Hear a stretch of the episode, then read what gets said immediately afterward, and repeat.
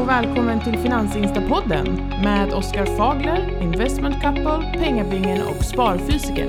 En avslappnad podd om ekonomi där du får vara med och styra innehållet. Hallå alla lyssnare och gänget och eh, alla andra höll jag på att säga. Eh, det här är ju äntligen ett nytt avsnitt av Finansinstapodden. Vi fick ju eh, tyvärr inte ihop det förra gången. Det var fullt schema för oss alla. Vi har ju suttit och skojat lite i sommar om eh, att det alltid är någon som kan, men det blev inte så. Men nu är vi i alla fall tre stycken här. Det är då jag, sparfysikern, och sen har vi Oskar och Pengabingen. Yes. Tjena grabbar! Tja! Hallå hallå!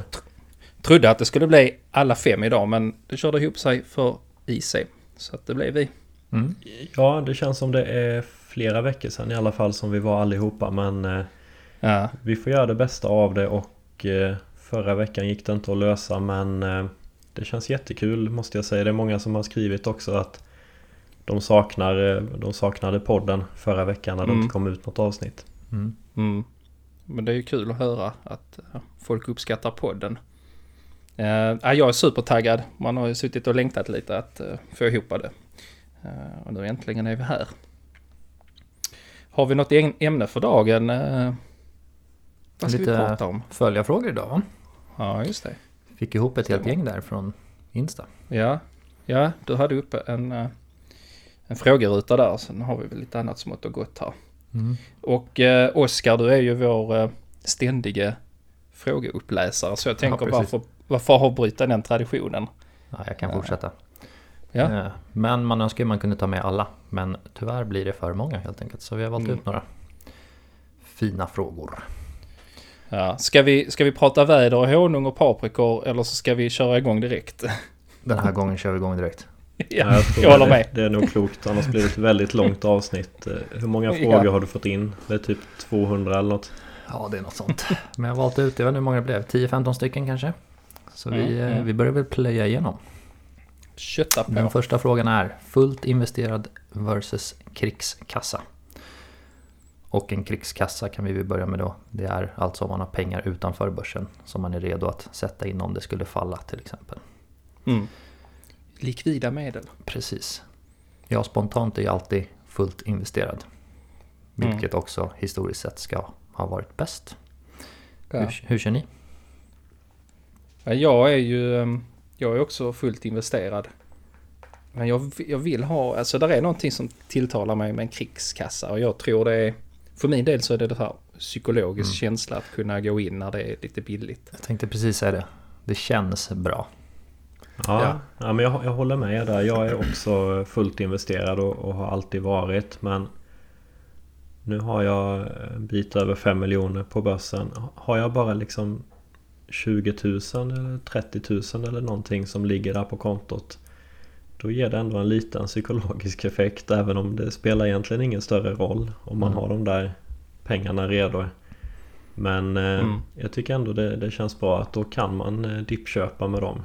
Mm. Jag vet inte, nå- någon psykologisk eh, grej är det ju. Men eh, kollar man på, på vad forskningen säger och sådär så är det ju eh, att ligga fullinvesterad som är det rätta egentligen eftersom man inte, inte kan tajma marknaden egentligen. Mm. Nej. Det blev lite, det blev lite dubbelt budskap om man ska säga liksom det är bra att investera och investera vad du kan och så här. Och sen helt plötsligt så ska man säga att men ha lite vid sidan av som du inte investerar. Men Så man, det blev man, lite kan säga, dubbelt liksom.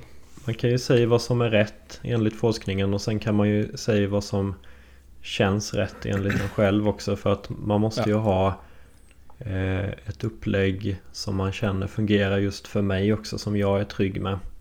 Mm. Sen vet jag ju att eh, alltid fullinvesterad hela tiden är det bästa. eh, Mm. Teoretiskt men sen eh, just för den psykologiska biten kanske det är skönt att ha några procent Mm. kontant ändå. Det blir ju så om börsen faller och man inte har kassa. Då känns det så här, jaha, då har man bara tappat värde i princip. Men har man en liten Ja. kassa där då känner man att man kan utnyttja den på något sätt. Så det är ju ja, det där psykologiska.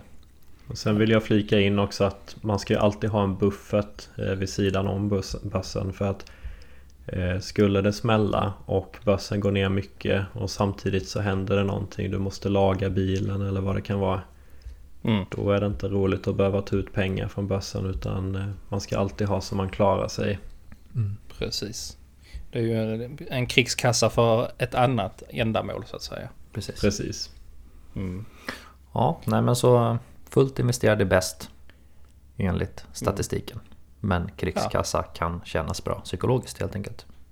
Mm. Nästa fråga då. Mm. Har ni sett filmen Big Short som handlar om finanskrisen 2007? Vad tycker ni om den? Det är den med, är det inte den med han Christian Bale? Nej.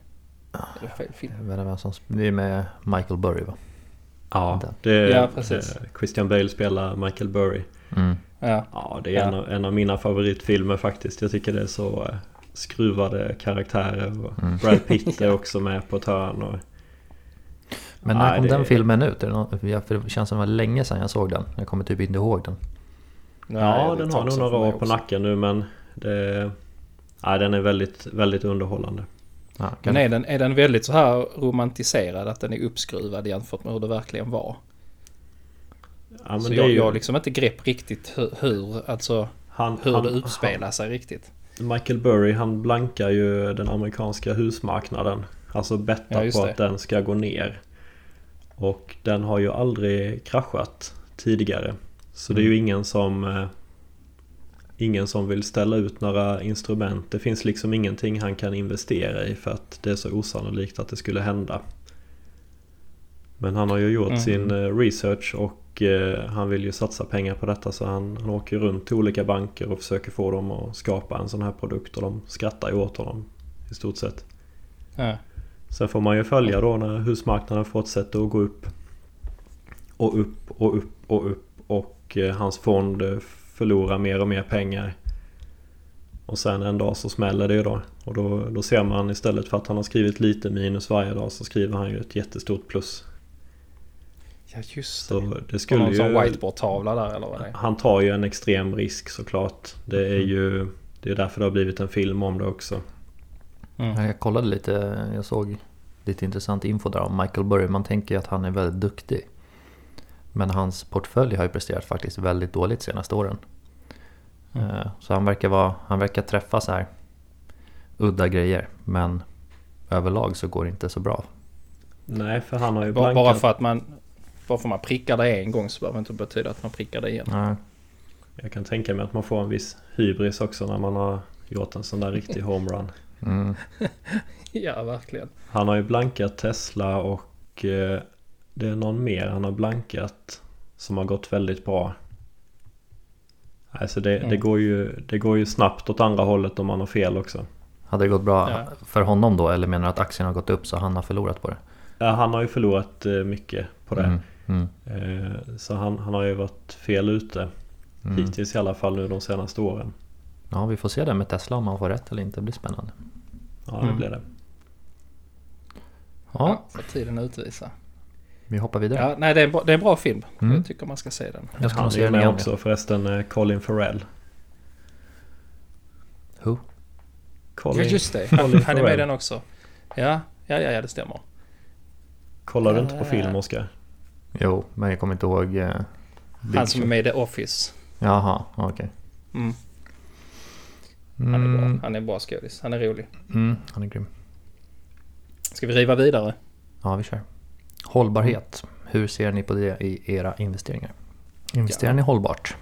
Alltså, det har ju varit väldigt mycket på modet med hållbara investeringar. Eh, fonder och så här. Eh, och det är såklart en del av ehm, en hållbar framtid. Mm.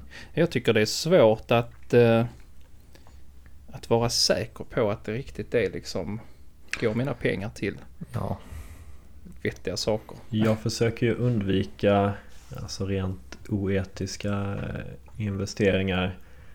Eh, Jag investerar inte i, i eh, nej alkohol och, och, och eh, inte spel heller faktiskt och, och liknande men ehm, Jag vet inte liksom vad ska man dra gränsen? Vad är, vad är hållbart och vad är inte hållbart? mm. Mm. Det är inte så lätt heller Precis. att säga.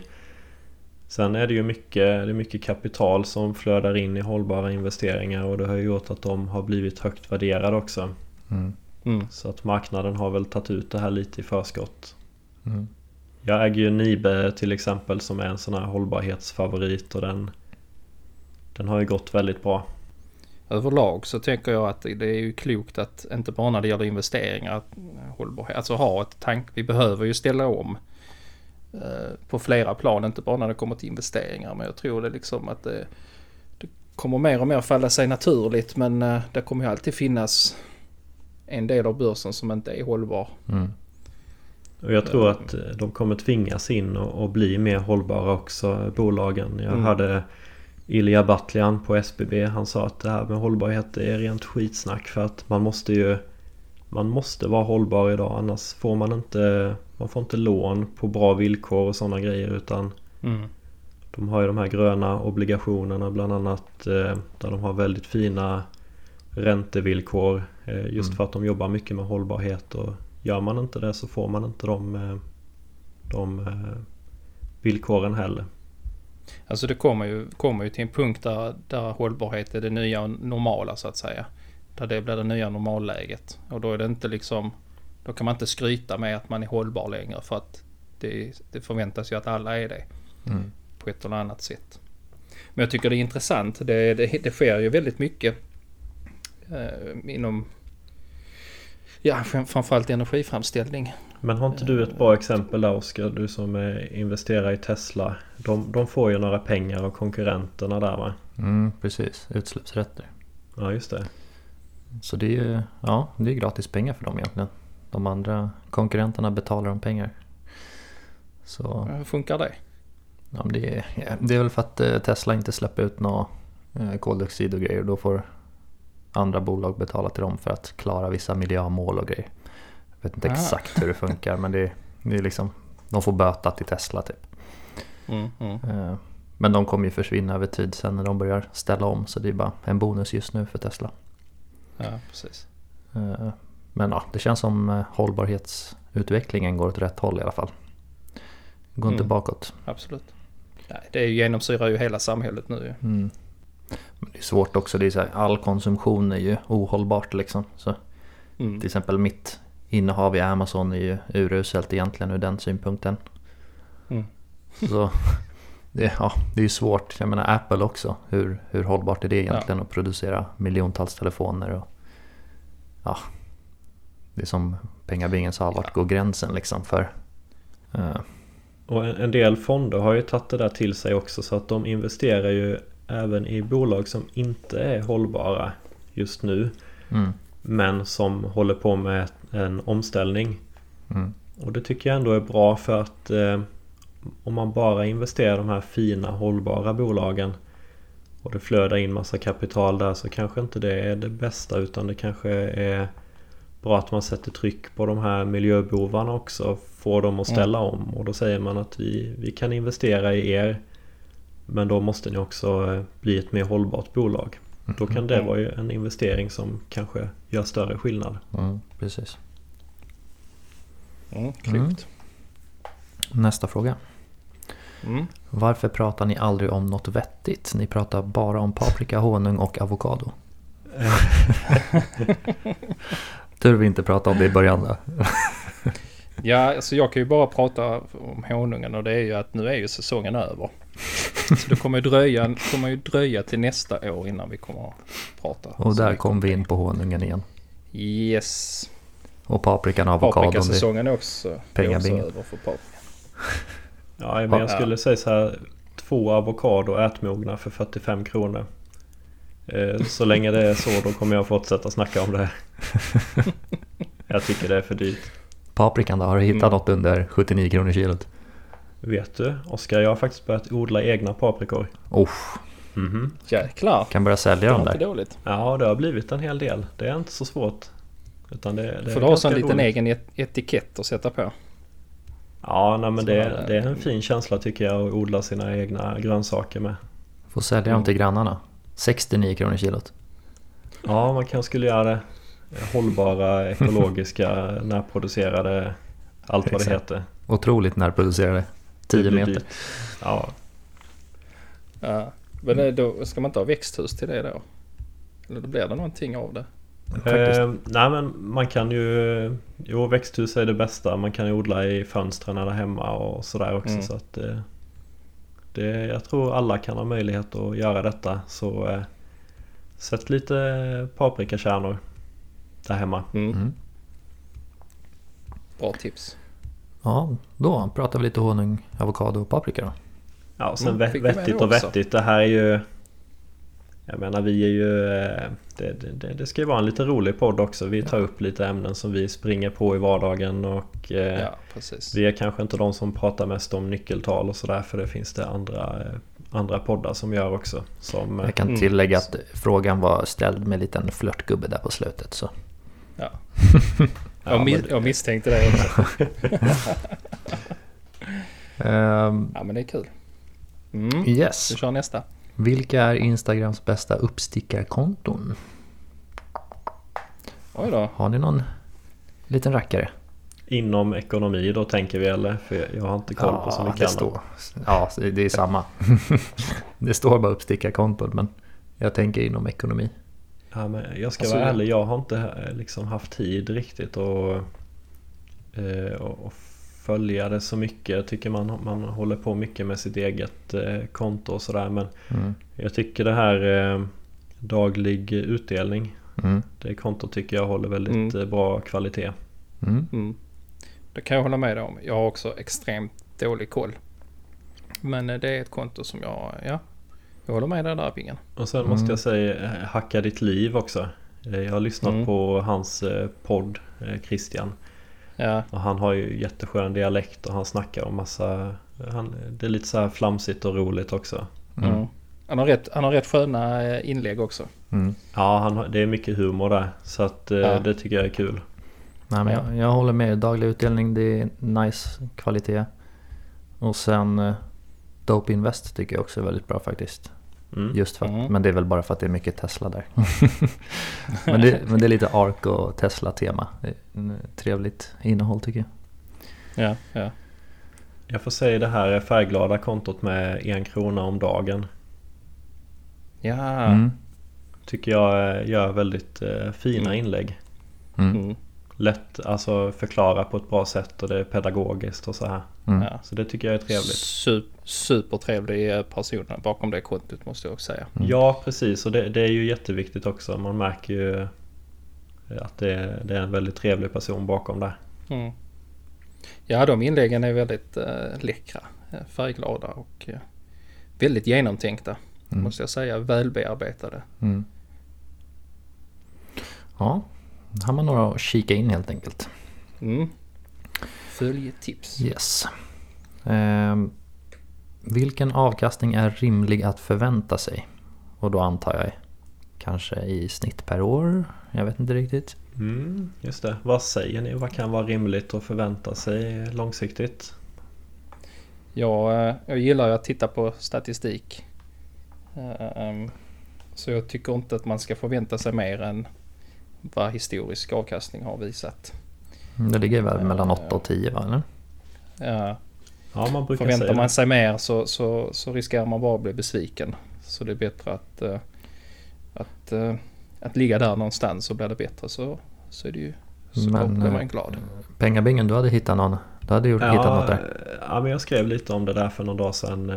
Vet ni hur mycket börsen har gått i snitt de senaste tio åren? Alltså procentuellt då per år. Ja, du, du skvallrade lite om det förut. Det var ju högre än snittet i alla fall. Vad var det? 16? 14? Mm. Eller? Ja. Ja, 16 procent faktiskt. Det är väldigt högt. Mm. det är dubbelt Eh. mot normalt. Ja, det är ju det. Och, och eh, det är ju CAGR då heter det ju. Compound Annual Growth. Så att det är ju eh, 16% per år i 10 år. Det blir 350% i avkastning. Och Mm. det är ju bara då man investerar i index. Så att man gör ju det väldigt Mm. lätt för sig. Man köper en indexfond med låg eller obefintlig avgift. Mm. Och får liksom genomsnittet. Ehm, och jag vet inte, snittet på 20 år är väl, jag tror det är 12% eller något sånt där. Så att det har varit, eh, det har varit en fin period att äga aktier. Mm. Men jag plockade fram en sån här ränta på ränta kalkylator som jag gillar.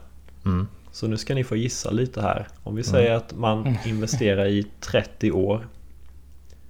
Vi kan säga om man är 35 år gammal. Om man tänker jag jag vill ha lite mer pengar här till pensionen när jag fyller 65. Så under 30 års tid om man får 8% i årlig avkastning och månadssparar 1000 kronor. Mm. Ja, det, blir, det är nästan omöjligt att gissa förresten. Men 1000 kronor i månaden och 8% Mm. 30 år. Vad tror ni? Hur mycket blir det? Jag vågar inte gissa, jag kommer skämma ut mig. Ja, Ja men det, det blir 1,4 Mm. miljoner. mm. Men det här, och nu börjar det bli intressant. För om man räknar samma tid och 30 år, 1000 kronor i månaden, men 16% per år istället. Och det är såklart orimligt att det ska bli så bra under så lång tid. Mm. Men då blir det 6,9 miljoner istället. ja. Så eh, Jäkla dubbelt så mycket avkastning eh, per år i procent. Så går det alltså från 1,4 miljoner till eh, ja, nästan 7 miljoner då. Mm. Man tänker... Tycker ni, tycker ni man ska utgå från det då? Att man ska känna liksom att... Jag tycker inte om att räkna högt för högt. Det är så jag gör min privata ekonomi också. Jag räknar alltid lite fel åt rätt håll Ja, så att jag säga. brukar Så att man alltid blir överraskad. lägre än... Ja, brukar- jag, räknar, jag räknar alltid lågt också. Så jag, jag brukar Mm. räkna på 7 eller 8 procent. Ja. Och då tycker jag ändå det känns lite läskigt för man vet ju inte hur det blir i framtiden. Det finns ju absolut inga garantier. Men jag har, jag, jag har en liten teori där som jag kom på nu. Eh, snittet var ju 8%. I, Sen sa du för, ja historiskt liksom, senaste Ja, hun- man 100 brukar åren eller vad det är. Mellan 8 och 10. Och sen så sa du de senaste 20 åren, var det 12? Ja, ungefär. Och då tänker jag, där börjar ju ITn komma igång. Och sen Mm. senaste 10 åren, då sa jag att det var 16. Ja, Och där har vi ju kommit igång med Avanza-appar och allt vad det är. Så jag tänker, Mm. blir det bättre avkastning bara för att så otroligt mycket mer folk investerar? Intressant tanke. ja kanske. Det slog Alltså, det mig ju- nu. Det är ju mer lättillgängligt idag. Verkligen. Mm. Och så tänker man hur mycket det har blivit bara Alltså senaste två åren typ, hur många som har börjat. Vad var det, 500% mer hos Avanza? Ja, det är något sånt. Det är väldigt stort inflöde av Så- nya kunder. Jag tänker, slängs det bara in så otroligt mycket pengar att det stiger? Och sen lägg men till... kanske. Det har ju varit mycket sån här quantitative easing också. Man har pumpat ut eh, mer pengar, tryckt mer pengar från Mm. centralbankerna. Mm, De där pengarna eh, ska ju gå till att stimulera ekonomin men en del kanske har gått rätt in på börsen istället. de har åkt in i GME och AMC. Ja, men det har tryckt upp priset på tillgångar. Hus, eh, aktier. Det är ju inte bara börsen som har blivit mer lättillgänglig. Det är ju allt annat. All konsumtion och allting har ju Ja. exploderat. Och släng in YouTube på det med FIRE och allt sånt där. Mm. Vill ni veta något riktigt, eh, riktigt sjukt då? Mm. Eh, Oskar, du, Kör. du hade ju avkastat, vad sa du, 36% Mm. de senaste, var det åtta åren? Ja, 9-10 åren. Ja, och här får vi lägga in en disclaimer. Detta är ju helt orimligt. Os- Oskar har gjort det väldigt bra men han har också haft en väldig tur som har haft eh, sån här avkastning. Det får man väl säga Oskar. Ja, det måste vara ett tur inblandad. Det är inget jag förväntar mig över tid. Dels är det en period eh, där börsen har gått väldigt bra och du har haft exponering mot rätt eh, aktie helt enkelt. Mm. Men om man räknar på de här 36% per år och nu vet jag inte för nu när jag slår in det i den här kalkylatorn då säger det stopp vid 30%. Det går Mm. inte komma högre. Mm. Så jag vet inte om det räknas på 30 eller 36 nu. Men, Det är ingen som kan få så man- hög helt enkelt. Det är orimligt. men hå- håll i hattarna nu. Om man investerar 1000 kronor per Mm. månad i 30 år och får Oscars avkastning. Då är det alltså 400 miljoner. Lagom till pensionen. Ja, men jag ser fram emot min pension. Alltså jag ska försöka hålla i guldkant. Oj oj oj. Ja, men lägg, lägg till några hundralappar då så det blir en halv miljard. Det ser snyggare ut. Ja precis. Men det och där sen blir en, jät- sjukt. en jättedisclaimer på detta. Detta är såklart helt orimligt. Men det är bara för att illustrera Alltså hur mycket det kan bli i längden om man har en helt eh, orimlig eh, avkastning. Men det där var ju... Men, men pengabingen, hade du samma tidsperiod som innan när du räknade? Ja det är 30 år. För det var ju, det var ju lite intressant då. Om du hade 8% då var det en mille sa du. Och Ja, hade du 1,4. sex- 16% då var det 7 någonting. Stämmer. Och hade du 30 då var det 400 mille. Ja, precis. Så, att, Så det visar ju eh, väldigt, eh, varje procent där per år gör ju enorm skillnad. Ja, det är det Mm. man ser i de här exemplen med Warren Buffett som har Mm. haft en bit över 20% i flera decennier. Och, eh, Peter Lynch med Magellan Fund hade ju Jag vet inte vad han snittade, det var väl något sånt där 30% per år också Ja, det, det, under ganska lite, lång tid. det är de jag jämför med också. Det är så Eh, här, akt- Aktiestinsen eh, som har kört mycket investmentbolag och levde till han var 101 år. mm, Han gick ju med från 600 kronor till 140 miljoner. mm, Mm. Eh, Men det är klart, de sticker ju verkligen, verkligen ut. Men det är ju det som är så fascinerande också. Jag tycker det ändå illustrerar eh, vikten av långsiktighet. Men där, är också, där ser man ju också på långa tidsperioder. Jag hade haft 36% per år i 10 år. Mm. Medan Warren Buffett som är en av världens bästa investerare har haft 20% över hans, vad nu det är, 50 år. Mm.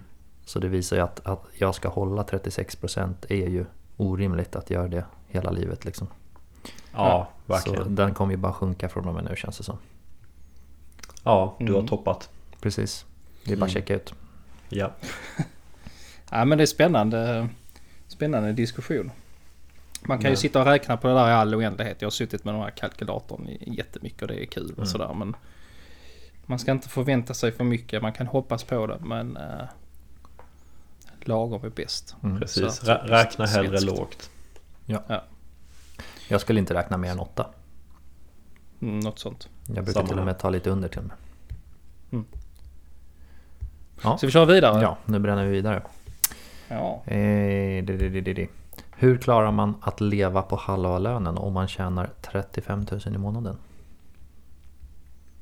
Jag tänker ju Det spontant... är en högst, högst relativ. Ja, precis. Jag tänker spontant boendekostnaden får inte vara för hög. Det är den största utgiften. Mm. Nej men verkligen. Boende och bil om man eh, har det. Är Mm. det 35 000 brutto då eller? Ja, jag antar det. Ja men Ja, men vi precis. kan utgå från det. Det är väl, det är väl, en det är väl snittlönen i Sverige ligger väl där omkring. Ja, det kanske är den de har tagit. Mm. Ja. Men ja, det är ju jättesvårt att säga. Det beror helt på situa- en situation också. Och om man, ja precis, är du ensam eller är du två Mm. som har den lönen så att säga. Då har du ju 70 000 i... eh, Det är ju en jäkla skillnad Mm, det är det. om man har en eller två löner i, i bostaden så Mm. att säga. Hushållet. Ja, Jag tycker det är ganska mycket pengar. Jag har ju inte haft den lönen. Eh, Men lyckats spara halva och det har att göra med att eh, Dels så har vi varit två och vi har bott billigt. Och eh, vi har cyklat till våra jobb. Vi har inte haft någon bil under eh, väldigt många år. Och sen har det varit mycket matlådor och liksom Mm. planera inköp. Inte köpt kläder så ofta och så vidare. Mm.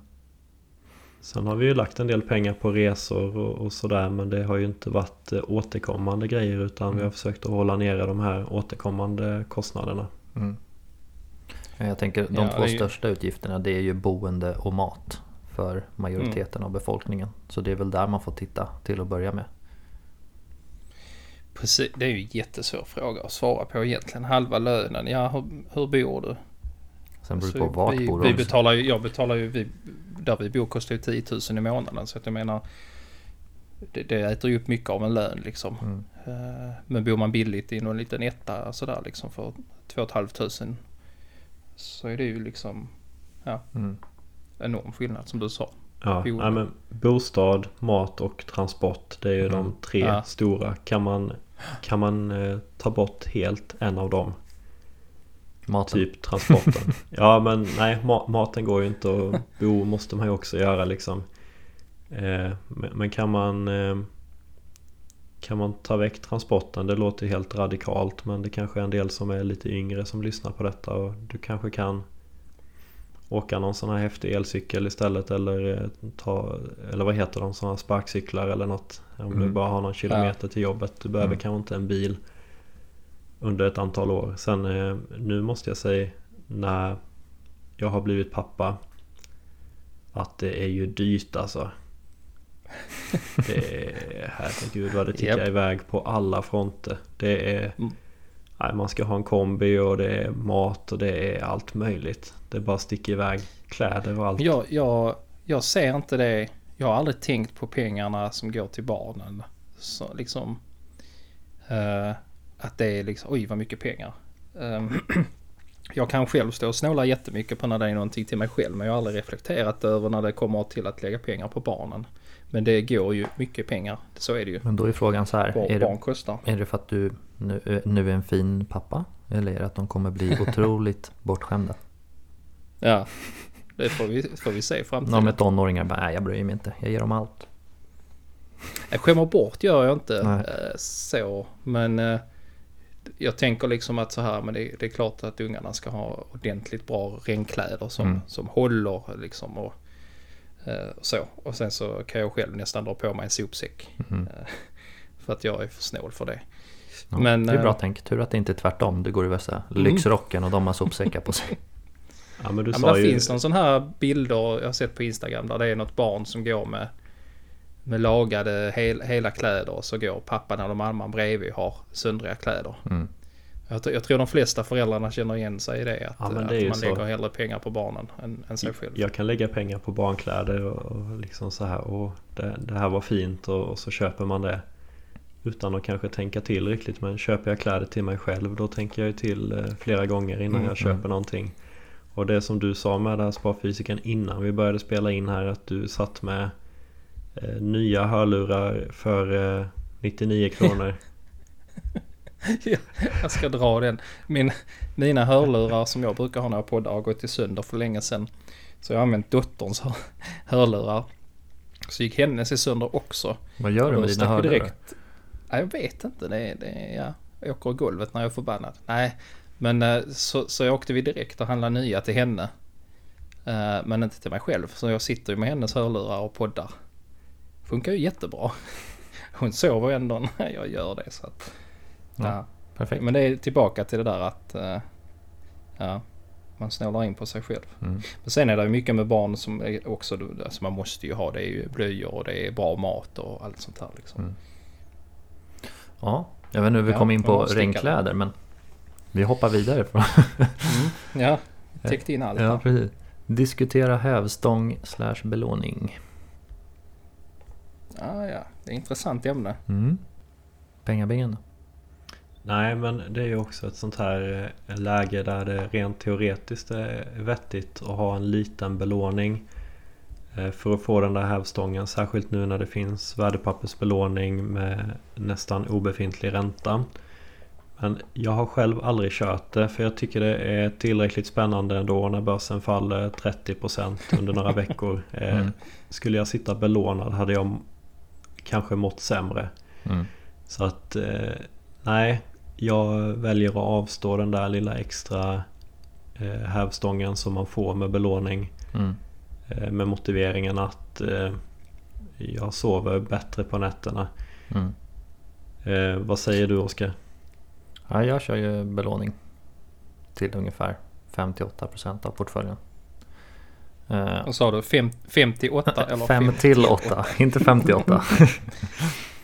Eh, Ja men då håller du ändå på en sund nivå liksom. Ja. Eh, 58 procent. Ja. ja, säg runt, runt 7 procent har jag. Mm. Eh, och den började jag faktiskt med i coronakraschen där. Det var då jag... Den tajmade jag också ren tur. Men då köpte jag ju Svolder för typ 70 000 belåning rätt i botten. Och sen så steg den ju typ 120 procent efter. Så det var otroligt nice. Och sen Mm. belånade jag bitcoin när den var på 16 000. Den har också gått bra. Eh, och sen när jag kommit in lite nu så känns det... Jag har behållit belåningen även fast det har gått upp. Så jag har hållit mig ungefär runt 5, 5 6, 7 procent där. Eh, och Ja. jag planerar att ha den, den belåningen för alltid i princip. Räntan är 0,9 något sånt där. Så det är... Men, ja, jag är så långsiktig och jag har råd med den risken liksom. Alltså jag kan tänka mig att ha det som en alltså, alltså hög risk, alltså som en krydda, som en del. Mm. En liten del av min portfölj. Jag sitter och skakar lite. Du sa du belånade bitcoin. Mm. Och, och det är ju... Det är, jag har ju sett hur det rör sig. Alltså det, är ju, det kan ju vara 10% upp eller ner på en dag. Mm. Jag förstår, Ah, ja. Vi har helt Så är olika s- risktolerans och det är det som är så kul med den här podden också att vi, vi tänker så olika. Mm. Mm. Eh, alltså vi, vi tänker ju ganska lika egentligen. 5-8% inte 58% Nej, utan precis. 5 Sju. till Säg sju. 8%. Vi säger 7% belåning. Nej men upp till 10% belåning kan väl vara okej för att Mm. då är det på en nivå där du egentligen aldrig kan drabbas av tvångsförsäljningar för att Nej. börsen kommer rimligtvis inte falla med 80-90% om du har bra riskspridning. Och sen är. Eller prata klart först. Eh, sen det här med bitcoin Oskar. Jag Mm. vet inte. Nej, jag vet. Jag vill egentligen inte säga det för det låter galet. Men det gick bra den här gången. Alltså det kan, ju, det kan ju vara på sin plats med en liten disclaimer att eh, ska man eh, använda sig av hävstång eller belåning så ska man ju verkligen eh, veta vad man gör. Ja. Och sen Och eh, vara väl, väl insatt med riskerna. den, det lånet jag tog det var ju inte att jag skulle gå under om det gick till noll. Jag var, jag var ju redo på att Precis. förlora allt. Och sen är det Ja. även viktigt, en del tror att när man pratar belåning att man lånar hela kapitalet och investerar. Säg att man inte har några pengar och så lånar man 100 000 och slänger in på börsen. Det är inte belåning som är klok. Utan vi pratar ju om man har till exempel 100 000 på börsen så belånar man dem med säkerhet och kanske lägger in 5 000 belåning. Så det är ingen, det är ingen jättestor, man höjer inte risken jättemycket när man gör det. Utan man får bara några procents hävstång där. Nej, och då har man ju ett jobb också vid sidan om så att man kan ju täcka det där ifall det skulle skiten träffa fläkten där så har man ju Precis. eh, lite pengar från den vanliga eh, kneget som kommer in också. Jag har ju fått en del, en del meddelanden där de frågar så ah, jag, jag vill börja på börsen med inga pengar, ska jag låna 50 000 och slänga in? Men det är ju farligt. För då kan du, ja, då kan du gå ner och så har du skuldsatt sen. Så det, Ja, nej, jag skulle, jag skulle aldrig rekommendera någon att ta belåning eh, eftersom man inte vet eh, hur, eh, hur starka nerver folk har. Själv Nej, känner jag exakt. att jag, jag, jag mår inte riktigt bra av det själv tror Mm. jag. Så att jag, jag har valt att avstå. mm. Nej, läs på ordentligt. Yes. Yes. Viktigt. Eh, Mm. mm, vi hoppar vidare då. Yes. Varför är de andra anonyma? Inom parentes ej Oscar. Så den får ni ta. Vadå, jag är inte anonym. Nej okej, du är halvanonym. ja, men jag har videos på YouTube och sånt. Nej okej, vet du är inte så anonym kanske. Pengabingen då, varför är du anonym? Ja, Jag har ju valt det från början eh, i och med att eh, jag, har aldrig trivts riktigt med att stå i rampljuset och sådär utan jag vill Mm. gärna hålla mig i bakgrunden lite grann. Mm. Eh, privat. Mm. Så jag tycker det är... Nej, jag, jag har valt att inte eh, stå i fokus utan eh, kontot handlar om ekonomi och det Mm. handlar inte om, om mig kanske som, som privatperson på det Mm. sättet. Mm. Nej, jag, Tycker det låter sunt. jag hade ju ingen plan på att vara offentlig egentligen. Jag delade ju bara på mitt privata konto från början. För skojs skull, för vänner. Och sen så, Mm. sen så tog det ju fart och det blev, en, blev ett stort konto av det. Mitt privata konto. Och då var jag ju redan offentlig och då kändes det bara konstigt att jag helt plötsligt skulle bli anonym när jag kommit upp liksom. Mm. Eh, Och sen har jag bara fortsatt på det. Så, så så har det varit. Så jag har inte tänkt så mycket på det varför faktiskt. Mm. Ja, jag tycker det är, det är också högst individuellt och jag respekterar hur man än väljer så respekterar jag. förstår till fullo de som inte vill vara offentliga. Mm, Man vill dela med sig av sin resa men man vill kanske inte stå i rampljuset. Nej. Och jag är själv lite så mitt emellan att jag, jag är jag kan vara lite introvert och jag är lite blyg emellanåt men jag ser det samtidigt som en utmaning att, att eh, göra lite YouTube-videos och Mm. eh, lite sådär. Men eh, ja, det är, det är en balansgång och sådär. Man ska göra det man är bekväm med Mm. helt klart. Det finns inget rätt eller fel tycker Nej. jag. Ja, vi skuttar vidare. Mm. Yes. De tre viktigaste delarna att titta på i en rapport. Mm. Här vill jag höra pengabingen. Ja men det är en rolig fråga. Eh, i, nej, men jag tycker siffrorna kollar lite snabbt på eh, omsättning och vinstutveckling och så vidare. Men Sen brukar jag gilla att kolla på eh, vilka långsiktiga mål ett företag har. Mm. Och eh, hur de taktar mot det målet. Mm. Eh, är det något som har hänt som har gjort att de eh, underlevererar? Ja, men vad har de för förklaringar till det då? Är det rimliga förklaringar eller låter det som att de eh, hittar på någonting? Jag ägde ju Hennes och Maurits under många år.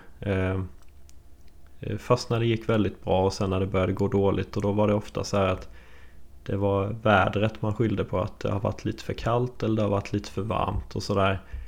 Eh, Och det, det kom nästan i varje rapport där och då tänkte man till slut att nej, men kan det verkligen vara vädereffekter hela tiden?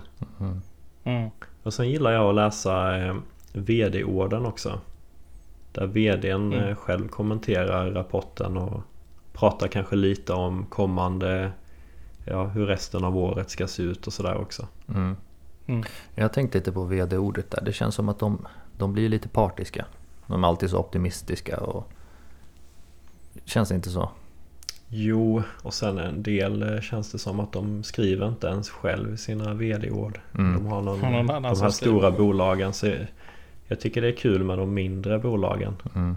Mm. Eh, när, man, när man får höra Alltså kanske grundaren själv eh, är rätt trevligt när de pratar om sitt eget bolag och resan de har gjort och sånt där. Mm. Mm. Ja, jag, eh, jag brukar inte titta så mycket på vd-ordet. Jag, tycker, jag tittar, tycker om att titta på framtidsutsikterna. Mm. Eh, och sen så brukar jag också, kanske inte just ha med rapporten att göra, men jag tittar mycket på eh, hur marknaden ser ut i övrigt. Mm. Och framförallt historiken i, i hur, har, hur har företaget tacklat motgångar förr. Mm. Det tycker jag är väldigt intressant. Men det är kanske mer när man eh, är på väg in i bolaget som man tittar på det. Mm. Men just framtidsutsikterna är, är spännande. Mm. Ja, jag har börjat lägga lite mer vikt vid omsättningen faktiskt. Förut var jag fokuserade Mhm. mycket på vinsten tidigare. Och var så här, ja, men hur Mm. mycket är vinst? Hur mycket ökar vinsten? Men nu när man har börjat hålla på med, med tillväxt och sådär, då har man nästan, ja men då har man inte tyckt den var lika viktig. Mm, Så nu har man börjat följa mer omsättning faktiskt. Och framtidsutsikterna. precis. Mm. Och sen en grej där med framtidsutsikter. Det är ofta folk frågar när det kommer en rapport. Så, ja, de slog, de slog eh, alla förväntningar men den faller. Och då är det ju ofta så att de har sänkt sina framtidsutsikter. Och Mm. börsen den, de agerar ju ett halvår till ett år framåt. Så sänker de sina framtidsutsikter då är det ju där de lägger priset liksom. Ja. Så ibland kan det vara en bra rapport fastän de kommande kommer bli svagare. Ja men så är det ju och de brukar ju eh, lowballa lite där eh, när det gäller estimaten också. Jag vet inte om det är Amazon som har slått eh, eh, sina estimat 10 kvartal i rad var det väl. Nu vet Mm. jag inte om de missade förra gången här men det känns som att det nästan är inprisat att, eh, att de ska slå estimaten lite grann. Mm. Då kanske det inte blir Men den där Amazon positiva effekten. ju. Ja, Det är ju ett helt bisarrt företag när man tänker efter på det. Alltså det är ju helt stört egentligen. Mm. Ja. Ja. Jeff Bezos. Jeffrey Bezos. Astronauten. Ja, Ni har hört precis. den låten med? Ja. Som, det var någon snubbe som gjorde det när han skulle Alldeles åka mycket. ut i rymden. Ja, Ja, vi skuttar vidare. har vi fler? Och det här fler var en frågor? väldigt eh, viktig fråga. Så nu är det bäst att ni lyssnar noga. Ja. Vad Yes, tycker yes. ni om rökt böckling? Jag älskar fisk och jag älskar allt som är rökt. Så att det går ju ihop här väldigt bra. vad är en bö- Ja, böckling för någonting? Ja men det är typ som Ja, en makrill ungefär. Ja, det Nej, men är det inte sill?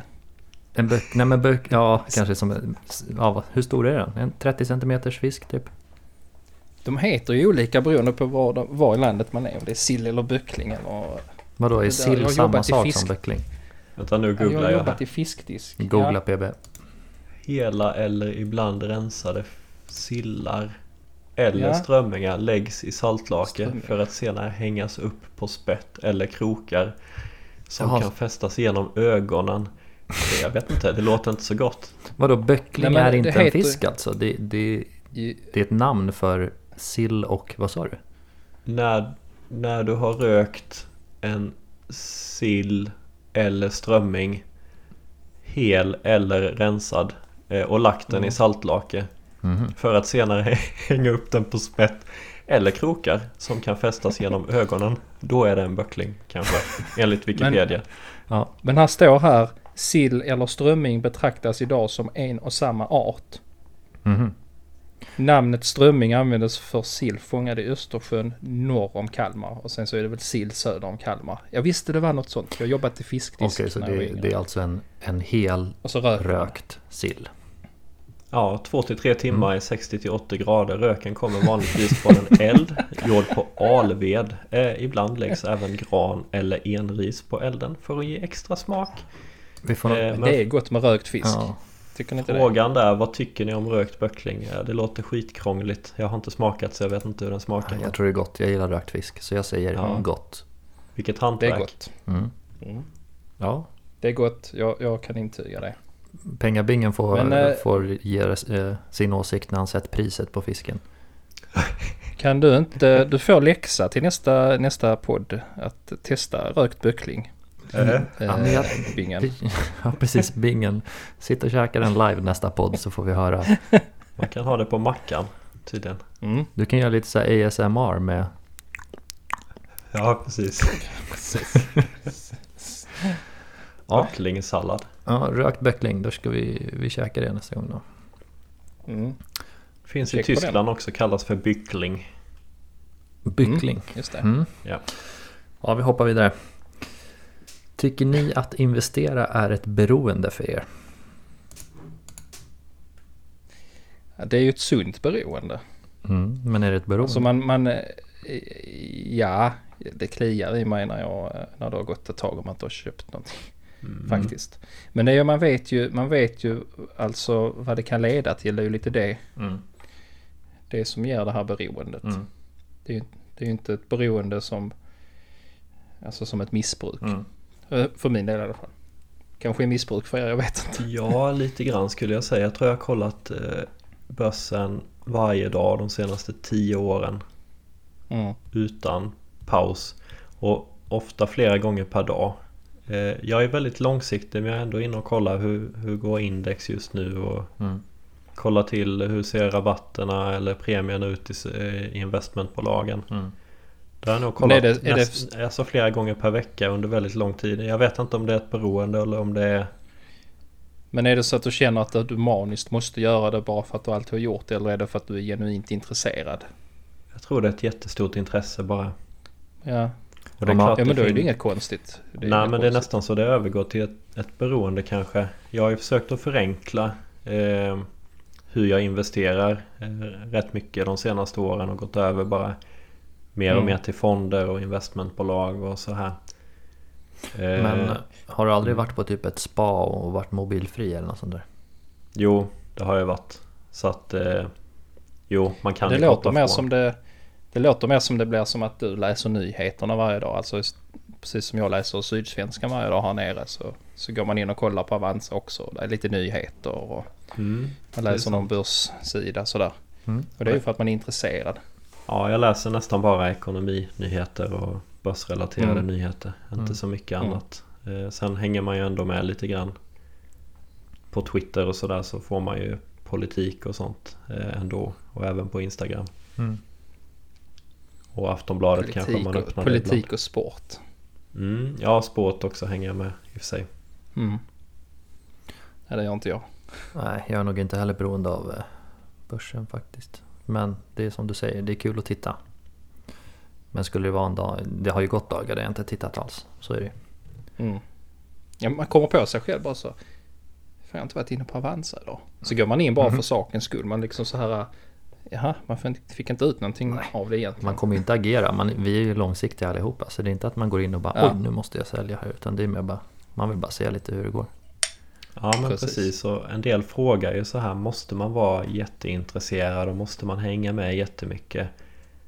Och absolut inte. Utan det räcker att man köper en indexfond eller använder en fondrobot. Mm. eh, Mm. Drar igång ett sånt här automatiskt månadssparande. Och troligtvis så får du minst lika bra avkastning som den som är inne och kollar varje dag på börsen. Mm. Om inte Mm. bättre eftersom de som är inne hela tiden får ju oftast lite panik och agerar lite annorlunda på känslor och sådär. Så. Precis. Ni har säkert också fått eh, DM på Instagram från folk som säger att eh, jag köpte den här fonden för sju år sedan och sen har jag inte kollat till den. Och Mm. nu är det så här mycket pengar. Mm. Ja men så är det. Och så, Mm. eller Ja, någon ja. aktie som har gått upp jättemycket. Mm. Ja, alla sådana där stora avkastning, det är ju så här. Ja, jag köp, min pappa köpte den här åt mig förut för tio år sedan. Och så har den gått upp liksom Ja, och- 4000 procent. Och så precis så har de varit, ja men det har gått jättemånga år och sen så, ja så går de in och tittar och så har det gått upp jättemycket och så får man frågan vad ska jag göra nu? Mm. Du ska inte göra någonting. Om det nu har funkat bra i sju år så, så låt det vara. Ja, nej men det är, Lite så. man får inte vara stressad. Mm. En del frågar ju liksom, ja jag har ägt den här en månad men den, den går aldrig upp så jag funderar på att sälja den. Och det är så här, en månad det är ingenting. Får ge det några år liksom. Precis. Och man ska komma ihåg också att finansbranschen lever ju på att eh, man ska vara aktiv egentligen. Mm. Mm. De säger du ska köpa den här aktien och sen nästa vecka nu ska du sälja den. Mm. Och man blir bombad med det här budskapet att man måste agera på något sätt. Mm. Man ser nästan Mm. aldrig någon som bara säger köp en indexfond och sen sitt på händerna liksom. Utan det är alltid de fem hetaste aktierna just nu eller Mm. Ja. den här precis. aktien kommer krascha och så är det liksom stora röda pilar och grejer. Mm. Det är inte konstigt att folk dras med i det där. Och sen om börsen går ner 2% så är det börsen rasar och så får alla panik och säljer av. Precis. Ja, vi hoppar Mm. vidare. Ja. Vad investerar ni i om ni känner att en korrektion eller börsfall är på väg? Jag säger Det, ingenting. det här är... Jag kan inte svara på den frågan för jag... eh, Jag vet inte när det kommer en korrektion eller ett börsfall. Nej, men även om man skulle... Och vi sitter, sitter inte med krigskassa heller ju. Nej. Så att, Och även om man skulle tänka så här, ja men nu, nu borde det komma någon, då gör jag ändå ingenting. För jag är långsiktig, jag kommer bara hålla Mm. igenom, jag håller igenom allt. Mm. Jag höll igenom coronakraschen också. Och det funkade ju fint. Än, ännu en gång. mm. Pengabingen kanske vet Precis. hur många sådana där krascher har vi haft i historien? Är det hundra stycken? Ja, det är säkert väldigt många och aktiestinsen har ju bara glidit igenom allihopa Mm. känns det som. Så att eh, man Mm. ska väl göra som han gjorde. Eh, nej men jag tänker att eh, min strategi ändras inte utefter hur börsen går liksom i det korta loppet heller utan jag har en tanke på att jag vill äga de aktierna jag äger och vara långsiktig och Mm. eh, då spelar det ingen roll om börsen går ner 10% eller om den går upp 10%. Mm. Ja. Ja men lite så. Sen, sen Men- har jag börjat eh, lite grann att eh, om man känner att börsen har gått upp eh, väldigt mycket då kanske man känner att vissa aktier är, är lite högt värderade. Och då kanske det är andra som man köper istället. Som jag har inte fyllt på så mycket i investmentbolagen Mm. på ett tag eh, eftersom eh, som du nämnde Svolder där eh, Oskar Mm. du köpte den säkert till eh, 15% substansrabatt. Ja, Jag tror det var mer, det var över 20 procent. Ja det kanske var så pass. så här galet mycket. Ja. Precis, ingen vill äga det liksom och, sen har den gått upp jättemycket. Eh, dels substansvärdet men också värderingen Mm. eh, på den så att den handlades ju till 15-20% premie istället. Mm. Och då, då kanske man eh, kan pausa inköpen eller som du gjorde då sälja till och med det. Mm. Så jag har väl tänkt att jag har funderat lite på vilka aktier vill jag äga om det kommer en rejäl smäll. Mm. Kommit fram till att eh, de här amerikanska techaktierna som jag inte har ägt så mycket tidigare som Amazon, eh, Facebook och eh, Alphabet Mm. eh, till exempel då som sitter på eh, mer än 50 miljarder dollar i kassan och har digitala affärsmodeller. De, de skulle jag vilja äga i nästa krasch. Mm. För då kan jag vara trygg med att de kommer att klara sig rätt bra. Mm. Mm. Hoppas jag. Mm. Hoppa vidare. Intressant tanke. Aktier ni ser stor potential i. Jag behöver inte Ja. säga något, alla vet. Nej, jag håller med dig Oskar. Uh, här får vi vara, jag tycker man ska vara lite försiktig. Uh, återigen en disclaimer liksom att det vi säger är absolut inga köpråd eller något sånt. Nej. Men eh, när jag tänker potential så tänker jag liksom inte i procent att eh, åh, det här ska jag tjäna jättemycket pengar på om jag går in. Utan jag, jag tänker på bolaget som ett bolag som kan utvecklas väldigt bra. Till exempel som Tesla som verkligen har en stabil grund och en bra affärsmodell. Mm. Eh, och framförallt tänka långsiktigt. Jag tänker inte att jag ska göra pengar över en natt. Utan det, här, det här är ett företag som jag ser kommer finnas väldigt länge. Och som kommer utvecklas eh, bra väldigt länge. Mm. Men jag tycker inte om att tänka i procent och så här när man pratar potential. Mm. Jag tänker också Tesla såklart. Men eftersom Mm. jag inte ska vara tråkig så säger jag Square faktiskt. Jag funderar på att öka Mm. mer där. Det är ett väldigt intressant bolag. Mm. Och det får man titta upp själv. För då kommer ni göra er egna bedömning på den. Precis. Jag säger pengabingen. Jag tycker det är farligt att ge sig in på det här. Aktier med stor Mm. potential. Ofta hänger ju det här med risk och potential ihop. Eh, Så jag jag tror också att Tesla kan ha en väldigt fin framtid men man köper ju det till ett, eh, ett högt eh, P tal idag. Vilket man kanske inte ska kolla så mycket på utan man ska kolla några år framåt istället. Men man ska ju vara medveten om att eh, det här med risk och potential ofta hänger ihop. Eh, Men jag gillar ju att kolla på riskjusterad avkastning så jag, jag köper gärna lite tryggare innehav. Mm. Men eh, jag, om jag ska säga någonting så får jag väl säga eh, Vostok New Ventures eller VNV som det heter nu. Ett eh, investmentbolag med exponering mot eh, onoterade bolag. Eh, Voi bland annat. Mm. De här som ligger och skräpar överallt i storstäderna. Jag tänkt på det där med Voi. Alltså, är det där verkligen lönsamt bolag? Nej, jag är, med, jag, är, jag är med lite tveksam men de fick ju en uppvärdering nu på 50% här över sommaren så att eh, uppenbarligen går det ganska bra. Det känns så här, ah, det är så jäkla många, mycket underhåll av dem där. Hur, vad är det de hittar? Hundra sådana där i havet varje dag. Och vad kostar det att Mm. åka? Två spänn för en timme. Alltså det är så här. Nu, slak, nu slaktar du min idé här också. Eh, Låt mig fortsätta. Jag kan, jag kan ju lägga till att jag har ingen fakta på Voi. Det här är bara en spontan känsla. Jag känner att Voi måste vara så inte lönsamt. Nej, det, det, och det finns ju mycket konkurrenter också där. Men Mm. om vi bortser från Voi, det är, jag tror det är 15% av substansvärdet. Mm. Men betydligt större del är ju Babylon som jobbar med e-hälsa. Mm. Och där tror jag att de är på väg mot eh, börsen också. Så att eh, det tror jag kan vara intressant att få exponering mot. Och även eh, Swivel. Vet ni vad de gör för något? Nej. Nej. Det är ju så här mass transit. Eh, alltså de har satt typ sändare på bussar i Egypten. Så man ska veta när bussen kommer. Mhm. För det har tydligen varit ett jätteproblem innan att man kan stå och vänta hur länge som helst på bussen och man vet inte när den kommer och sådär. Så att det här, är- det här verkar vara en väldigt bra grej. I exempelvis Ka- Kairo där det har varit mycket kaos eh, med trafiken och eh, de har börjat rulla ut det här i fler stora städer så att det växer väldigt snabbt. Eh, Sånt där har ju Skånetrafiken har ju det i sin app. Man kan se var tåget är någonstans. Ja, På en sån här karta. Ja men det är ju trevligt. Eh, Här i Sverige funkar ju kollektivtrafiken väldigt bra. Om man jämför Ja. med hur det är i många andra länder. Mm. Eh, Så att det, det är ju, jag tycker det är spännande innehav som jag inte hade köpt eh, själv annars. Men VNV har ju bra kompetens inom detta och jag tycker att han Per eh, som är VD där, han verkar väldigt kunnig också.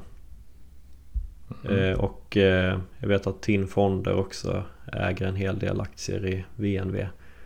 Och Mm. det handlas med, jag tror det är 18% substansrabatt just nu. Så att... Eh, ja, men jag får nog säga den om jag ska säga någonting. Mm. Mm. Ja. Ska vi ta en? Mm. Nu har vi helt sjukt här, men nu har vi poddat en timme. Det har vi aldrig gjort förut tror jag. Ja det har vi. Vi klämmer in en sista, en sista fråga här. Ja. Har vi i alla fall Kör. svarat på ett gäng. Eh, tränar ni något? Hur tar ni hand om er själva? Tack för en kanonpodd. Mm, kul. Tack så mycket. Mm, tack. Hur tränar du Oskar? Jag har ju försökt många gånger under åren. Och så har jag köpt ett gymkort och så har jag gått dit några månader. Och sen så har man blivit sjuk eller något och sen har man inte orkat gå tillbaka. Och sen hade jag ju Mm. jag hade gymkortet aktivt under hela förra året utan att gå dit under covid. Och sen så... Så där var, det var lite onödigt. Men... Du är ju ehm, den, den perfekta kunden. Ja precis, så jag, Precis, jag sa upp drömkunden. den. Men sen har jag börjat träna lite hemma nu. Jag har ju kört i typ en månad väldigt bra. Jag körde tre gånger i veckan i en månad. Mm. Eh, Men nu har jag varit sjuk i ja, nästan en vecka. Så då har man ju glidit ifrån det lite. Men jag ska försöka komma igång igen nästa vecka tänker jag. Mm. Jag vill hålla igång det. Det är väldigt skönt när man är igång. Vad, vad tränar du då? Är det zumba eller är det lyfter du skrot? det, ja, eller? lyfter lite skrot. Det är lite hantlar och lite övningar och sådär. Jag tycker det ser så Ja. coolt ut när de hoppar hopprep, boxarna. Det hade jag velat kunna göra sådär jättesnabbt. Ja, ja, ja. träna. Det är häftigt. Han eh, killen från Hacka ditt liv, han kan säkert göra det. Nej, det, Ja, det var en snubbe Christian. på gymmet där jag gick. Han, han kunde verkligen göra skitsnabbt. Mm. Det är ganska coolt. Ja, men det är viktigt, eh, det är viktigt att hålla igång. Jag har ju varit sån här eh, gymsnubbe när jag var yngre. Hängde på gym med polare och tryckte alldeles för mycket eh, vikter Mm. än vad man kanske egentligen skulle göra. Så jag har ju skadat både axel och knän Ja, ja. för att man har lyft för mycket. Eh, Där man käkar liksom ett kilo kyckling efter gympasset och Mm. trodde att man skulle växa ett kilo för att man gjorde det. Mm. Men ehm, senare i livet så upptäckte jag att springa trail. Alltså att man springer off-road så att säga, ute i skogen. Det tycker jag är väldigt trevligt. Mm. Men just nu när corona drog igång så har jag extremt dålig på att röra på mig. Ehm, Borde det inte vara då du kom ut lite i naturen? Jo, jo. Ehm, men det, det blev liksom uh, mycket stillasittande och det blev en ond cirkel. Mm. Eh, jag har mycket vardagsmotion, det kan jag försvara mig med. Mm. Men eh, jag är sugen på att ta upp löpningen igen för att det är en speciell känsla. Jag älskar att springa Mm. ute i det fria.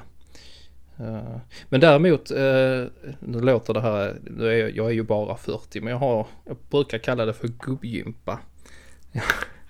jag har ett litet gympapass eh, antingen hemma eller när jag kommer till jobb eller någonting så. Gör lite så här knäböj och armhävningar och eh, lite sådana här grejer. Mm. Och det låter jättelöjligt. Men det är jäkligt skönt för kroppen att göra det. Och det kan vara kanske man har suttit länge på jobb och så gör man det. Tar man 10 minuter och så gör man det. Mm. Eh, Det är faktiskt riktigt, riktigt nice. Du får döpa om det till något coolare. Så här Ultra, Hit, Ja. Rage, någonting. Lite sånt här mini... eh, vad heter det? Jag vet inte, det finns ju massa olika grejer. Men Pengabingen, var inte du, Crossfit, du körde väl lite löpning? Ja, jag försöker hålla i det där och eh, det är ju inte alls som förr. Jag tränade betydligt mer förr. Ehm, Både på gymmet och lyfte vikter och även med löpningen men jag vet inte vad jag ska skylla på. Att man har blivit pappa eller pandemin eller någonting. Men det känns bara som ursäkter också. Mm. Eh, Jag måste säga att eh, nej, just träningen där har jag gått ner mig.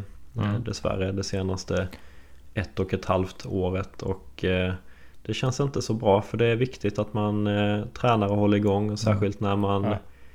eh, börjar bli äldre. Nu låter det här gubbigt detta också här men eh, när man, det var en annan sak kanske när man var 20 men nu är man ju över 30 här så att eh, det är väl ännu viktigare att man håller igång lite grann. Men sen stod det också, tränar ni något och sen hur tar ni hand om er själva? Så det behöver inte vara träning heller. Man kanske tar hand om sig med Mm. lite andra, andra sätt. Nej, Äta kosthållningen nyttigt. har blivit sämre också. Mhm. Allt går ut för Mm. alltså. Ja, jag tycker det hänger ihop. När jag tränar bra så... alltså. Ja, Allt går ut för men börsen går bra för dig. Din portfölj avokados är nyttigt men de är lite för dyra. Nej men jag Ja, tycker men, när, eh, när man tränar och håller igång då, då sköter jag kosten bättre också. Mm. Jag vet inte, Mm. hur tänker du sparfysiken? Jag håller med dig där. Det, det liksom går hand i hand. Nu är vi, eh, försöker vara väldigt nyttiga hemma. Jag har en sambo som är, som är väldigt sjuk. Eh, vilka sjukdomar det är går jag inte in på men eh, eh, som kräver eh, där en bra kost gör väldigt stor nytta. Mm. Så vi försöker hålla oss till eh, sån här lite antiinflammatorisk mat och eh, varva rätt mycket ekologiskt och vegetariskt. Mm. Försöka undvika, apropå hållbarhet, försöka undvika de här eh, största bovarna ska jag säga som älskar oxfilé. Men Mm. då kastar jag lite sten i glashus.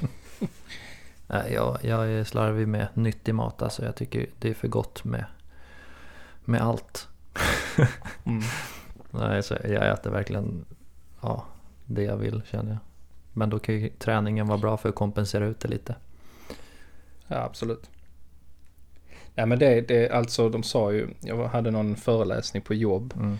med någon sån här att man ska röra på sig och så. Det är, hon sa det rök, äh, stillasittande är det nya röka. Mm. Eh, att det är liksom minst lika farligt. Mm.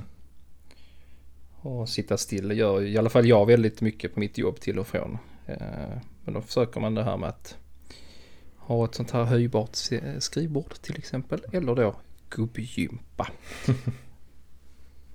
Men eh, mat, ja mat är svårt, det är gott. Ja, nej men det har varit ju ett eh, längre avsnitt än planerat i alla fall. Nu är ju klockan mitt i Ja. natten, snart är det spöktimme. Ja, det är sent nu. Det är upp imorgon och jobba. Mm. Men eh, jag vet att några följare kommer uppskatta ett långt avsnitt i alla fall. Mm. Kul, eh, kul att eh, vi fick med väldigt många frågor här idag. Mm. Eh, vi hade kunnat köra en timme till men ja, som sagt var, Minst. det kan vi ju ta i ett annat avsnitt. Exakt. Väldigt bra och roliga frågor tycker jag också. Jag måste Och, tacka Ja. alla som skickar in frågor. Det är väldigt, väldigt intressant och väldigt kul att ta Mm. upp dem här och diskutera lite. Speciellt eh, böckling och sånt där, viktiga frågor. Ja, Mm. jag tänkte precis säga det. det är, nej, men det är kul att få, ha lite variation. Lite superseriösa frågor och lite roliga frågor. Mm. Men eh, boys, ska vi runda av här? Ja, Och så hoppas vi fasiken att vi får ihop till eh, så att vi kan köra nästa vecka också. mm, det löser vi. Du, ja, nu är lustigt nu, semestrar är över. Mm. Så har vi mindre tid Mm. ändå. Vi säger att vi löser det men vi mindre. får se helt enkelt. Det är tur att Ja. vi är många. Vi kan hoppa in lite åt varandra. Mm. Mm. Så är det. Är Bingen kvar eller har somnat Han han? somna. Ja, nästan. Ja. Det börjar bli sent här nu. Vi gubbar får gå och lägga oss. Ja, vi får göra det. Så vi kan ha gympa imorgon bitti. Mm. Ja, jag Ja. sitter och tänker på böckling. 60 till 80 grader, 2 till 3 timmar. Men jag behöver inte röka den själv. Jag ska försöka, Nej försöka men där är, du köpa kan ju köpa färdig. Köp färdig. Mm. Den finns vid Så varmrökta laxen. vi oss... Ja det är ju gott. Men vi vill ha en utvärdering på rökt böckling, eh, Bingen. Men kan du, Ja, jag inte, kan du inte lägga fram en tugga nästa podd och smaka live? Jo, Det hade varit kul att höra din reaktion. det, Jo. man, det kan ju vara så att man är den första någonsin i hela världen som äter rökt böckling live i en podd. ja, det är, det är mycket Ja. möjligt. Slå Ska vi ta hit Guinness rekordbok och försöka slå ett rekord i eh, hur länge man äter rökt böckling live i en podd? Ja, och så gör vi ett Ja. avsnitt på fyra timmar. Lätt. Ja, men jag, jag, jag håller tummarna på böcklingen nu, pengabängen. Mm. Ja, nej, nu börjar vi bli trötta här. Nu får vi runda av. Vill inte lova någonting. Nej, Nu, nu Nej, rundar vi av, jag- snabbt. jag märker att du undviker det väldigt mycket. Nu, nu, lägger vi locket på. Vad sa ni? Jag hör inte. Det, Det gör vi. Ah, Okej, godnatt, godnatt. Ja. Vi, eh, vi, vi ses och hörs alla följare och eh, ni som är här inne. Det gör vi. Sov gott. Sov gott och ha det bra. Ha det bra. Hej då. Hej hej.